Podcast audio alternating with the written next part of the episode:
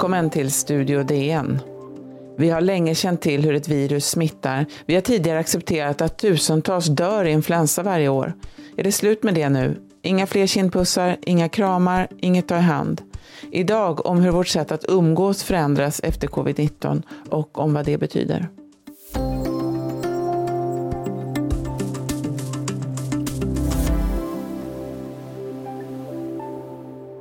hålla nere på sina sociala kontakter. när man ska absolut inte träffa sina gamla anhöriga inomhus på nära håll. Men det här med social distansering är svensk folksport sedan väldigt länge ja. egentligen. Huvudbudskapet är detsamma som ni har hört oss eh, säga många, många gånger vad gäller eventuella fester och stora samlingar och resor. Var och en måste fortsätta hålla avstånd. Ja, Sverige må ha en annan pandemistrategi än många andra länder. Men även om vi inte har varit helt instängda har våra liv förändrats. Många arbetar hemifrån och vi har svårt att träffa våra äldre vänner och släktingar. Det är inga möten, möten, inga fester, vi visar inte upp oss. I en enkät som 511 epidemiologer har svarat på i The New York Times uppger nära en femtedel att de inte kommer att gå till frisören på ett år. 56 procent säger att de kommer att vänta mellan 3 och 12 månader med att äta på restaurang. 28 procent ett år eller mer. Vi har svårt att veta hur länge det här kommer att pågå, men vi ryggar redan tillbaka när någon gör en ansats till en omfamning eller ett handslag. Åsa Bäckman, du är biträdande kulturchef på DN. Hej! Hej! Du, när var du på jobbet senast? Ja, jag är faktiskt här. Just idag har jag fått åka in för att göra det här, men jag jobbar hemma eh, nästan hela tiden. Du skrev i början av maj, det är ju eh, över en månad sedan nu, om eh, ovissheten om inför hur länge det här ska, kommer att pågå och att den här ovissheten gör oss nästan chockerande olyckliga.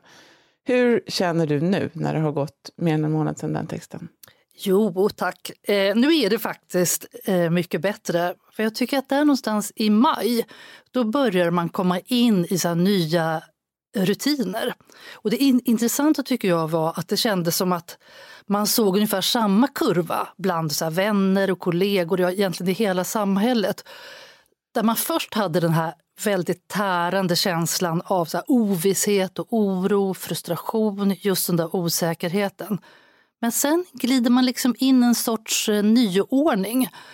Och så blir det här det nya normala och man hinner faktiskt tänka på hur man lever i vanliga fall. Det här att inte kunna träffas, det är, ju, det är ju en plåga, men det är också lite av en befrielse. Vi är ju mera av jämlika kan man säga. Alla statusmarkörer är borta. Mm. De, som är, de som är sociala och de som är asociala, de blir på något sätt mer jämbördiga. Det mm. spelar mm. ju på något sätt en roll i en värld som är så präglad av yta och umgänge och vem vi är med och, och så. Hur, hur påverkas vi av det där tror du? Ja, men det, där, det där tycker jag är jätteintressant, för det stämmer verkligen på ett sätt att det just nu är utjämnande. Och det är ju så många tycker jag den här våren som har sagt att det varit så skönt att slippa hela den här jämförelsekulturen som vi är inne i. Där man nu inte har kunnat eller behövt se de här bilderna på så här stora och härliga middagar där man inte är med. Eller människors härliga resor där man inte heller är med. Eh, utan att alla har suttit mycket mer hemma hos sig själva och det har känts ganska skönt att göra det. Jag tror att det, det här har varit en lättnad för alla, men kanske framförallt för yngre människor som är ännu mer inne, inne i den här liksom jämförelsekulturen. Jag tänkte på det också när eh, Evelyn Jones skrev ett reportage som handlade om skolan och där det fanns en intervju med en kurator tror jag det var, som, som påpekade att det var väldigt otippat vilka elever som klarade hemarbete mm. bättre och sämre. Det är ju lite grann samma sak med vuxna, tänker jag. Ja, det tycker jag också har varit så att allt ifrån hur man mår i sin vardag till nästan hur man har förhållit sig till Sveriges linje genom coronan känns som att det är väldigt kopplat till någon slags psykisk konstitution som man har. Och det gör att folk både tycker väldigt olika saker om det här och upplever den här coronatiden väldigt olika. Och det är precis som du säger, det är väldigt otippat vem som hamnar var. Och sen är det en fråga om kanske medelklassen vi snackar om här. Det är ju väldigt många som där livet pågår ungefär som vanligt, som måste åka till jobbet, måste åka kollektivt, måste mm. kanske bo trångt. Mm. Ja, det är precis som du, som du sa där med att på ett sätt så utjämnas eh, de här klassmarkörerna och på ett annat sätt så förstärks de. För att nu ser man verkligen vilka som har möjlighet eller råd att ha ett sånt där mer mysigt hemmaliv eh, där man unnar sig saker och så. Eh, jag tycker det var så drabbande det där som många skrev om, eh, om de här som kom från olika sportlovsresor och kom hem tillbaka till Arlanda. Det var ju en smittväg in i Sverige och samtidigt de taxichaufförerna som körde dem in till stan. Och taxichaufförer som kanske jobbade på ett helt annat sätt, som bodde mer trångbott, som möjligen hade mycket sämre inkomster. Och där, det var en sån otroligt tydlig bild av den här ojämlikheten. Ja. DN Kultur har ju under hela våren här publicerat en rad texter, både av utländska och svenska författare, som ska ges mm. ut som en bok. Eh, det blir ju liksom ett, ett, en ögonblicksbild, ett tidsdokument av den här våren. Och de här texterna handlar om vår uppfattning av tid och om mycket sådana här saker som inte syns. Liksom medmänsklighet, isolering, mm. smitta, någon slags besatthet av nyhetsflödet och så. Du som har liksom sett det här flödet som kommer in till din kultur. Det är ju, jag vet att du har läst massor med andra texter som inte är publicerade också. Men vad, vilka spår ser du här? Vad, vad upptar författarna? Eh, jag tycker att det är intressant att se att det finns vissa teman som går igen i de här författartexterna. En av mina absoluta favoriter det är den italienska författaren Silvia Vallone. Eh, hon skrev till den här artikeln för oss ifrån sin karantän i Bologna. Och hon beskrev just det där att hon innan hade, hade haft ett så extremt uppvarvat livstempo och nu satt hon instängd i en lägenhet. hon beskrev precis den där frustrationen, maktlösheten, oron. Men sen hur hon då sakta tvingats ner, varva ner och tvingats möta sig själv. Och att hon beskrev det som att hon hade upptäckt en hemlig varelse i sig själv som hon nästan hade glömt bort helt. Och hon skrev också om det här med att vi har levt i en kultur där vi har vant oss av vid att längta. Därför att vi hela tiden är så behovsstyrda. Vi ser till att eh, få det vi precis vill ha. Om det är att eh, shoppa eller resa eller gå ut och äta. Alltså den där snabba behovstillfredsställelsen. Och att vad det händer med en när man faktiskt inte får det. Mm. Vi ska strax prata mer om umgänget efter corona.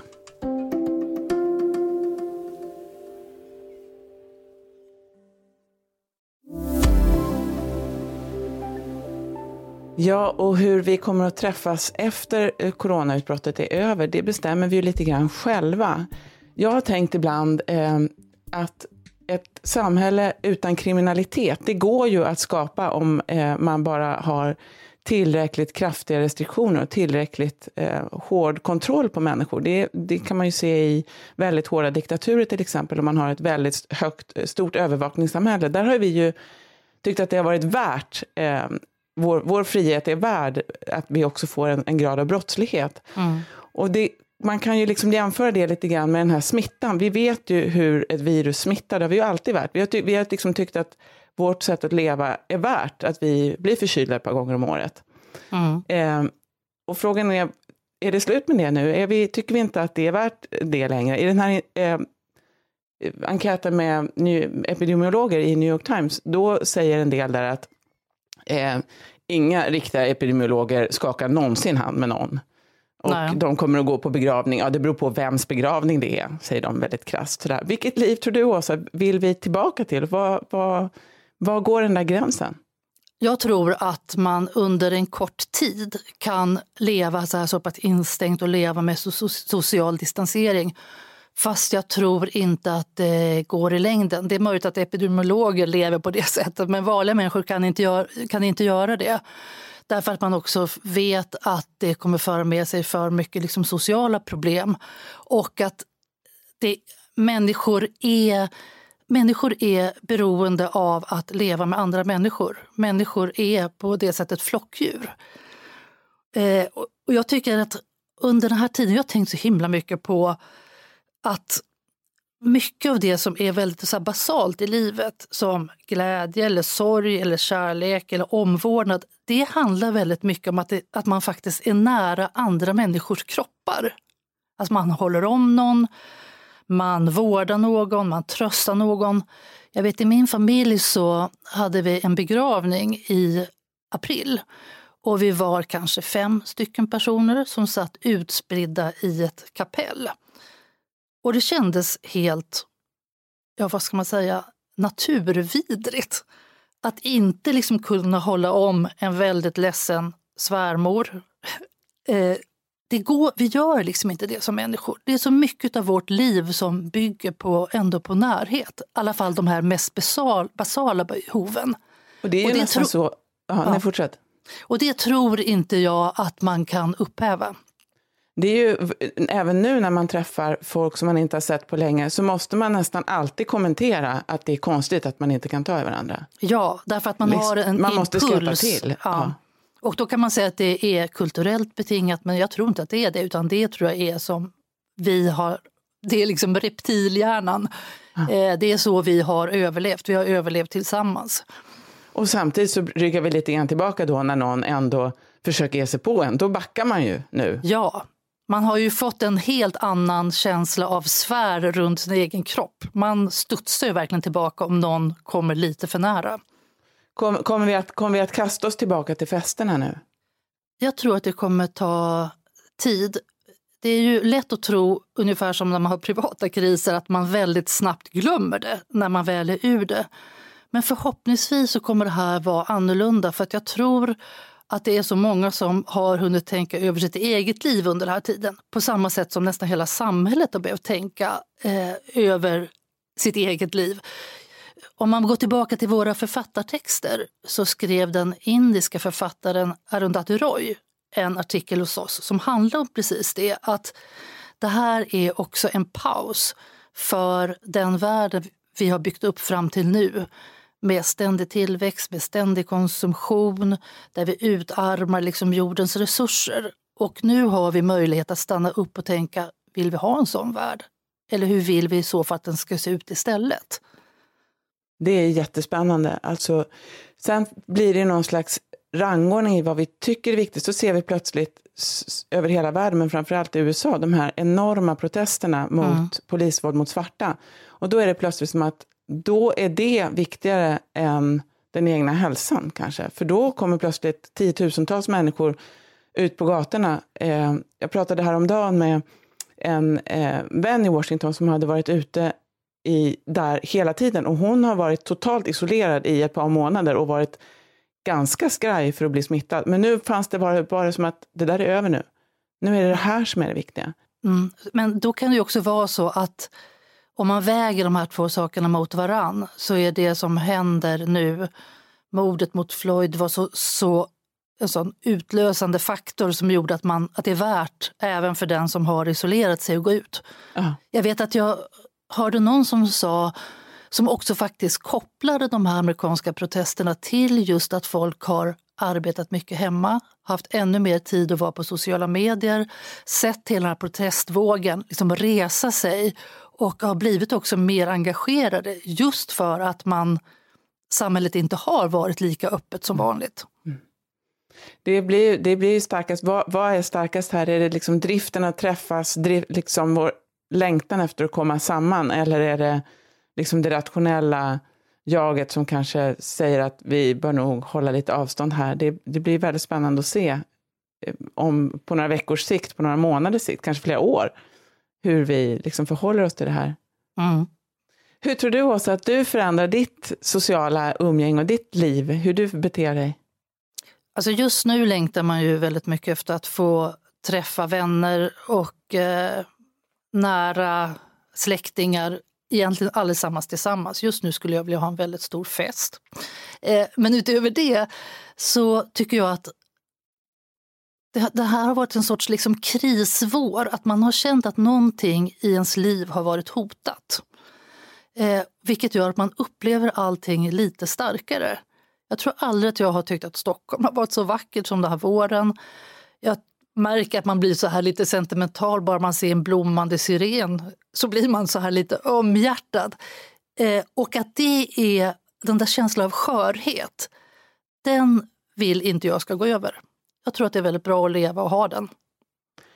Tusen tack Åsa Bäckman, biträdande kulturchef på DN. För ljudillustrationerna stod TT Nyhetsbyrån och TV4. Studio DN görs av producent Sabina Marmelakai, exekutiv producent Augustin Erba, ljudtekniker Patrik Meisenberger och teknik Jonas Lindskog, Bauer Media.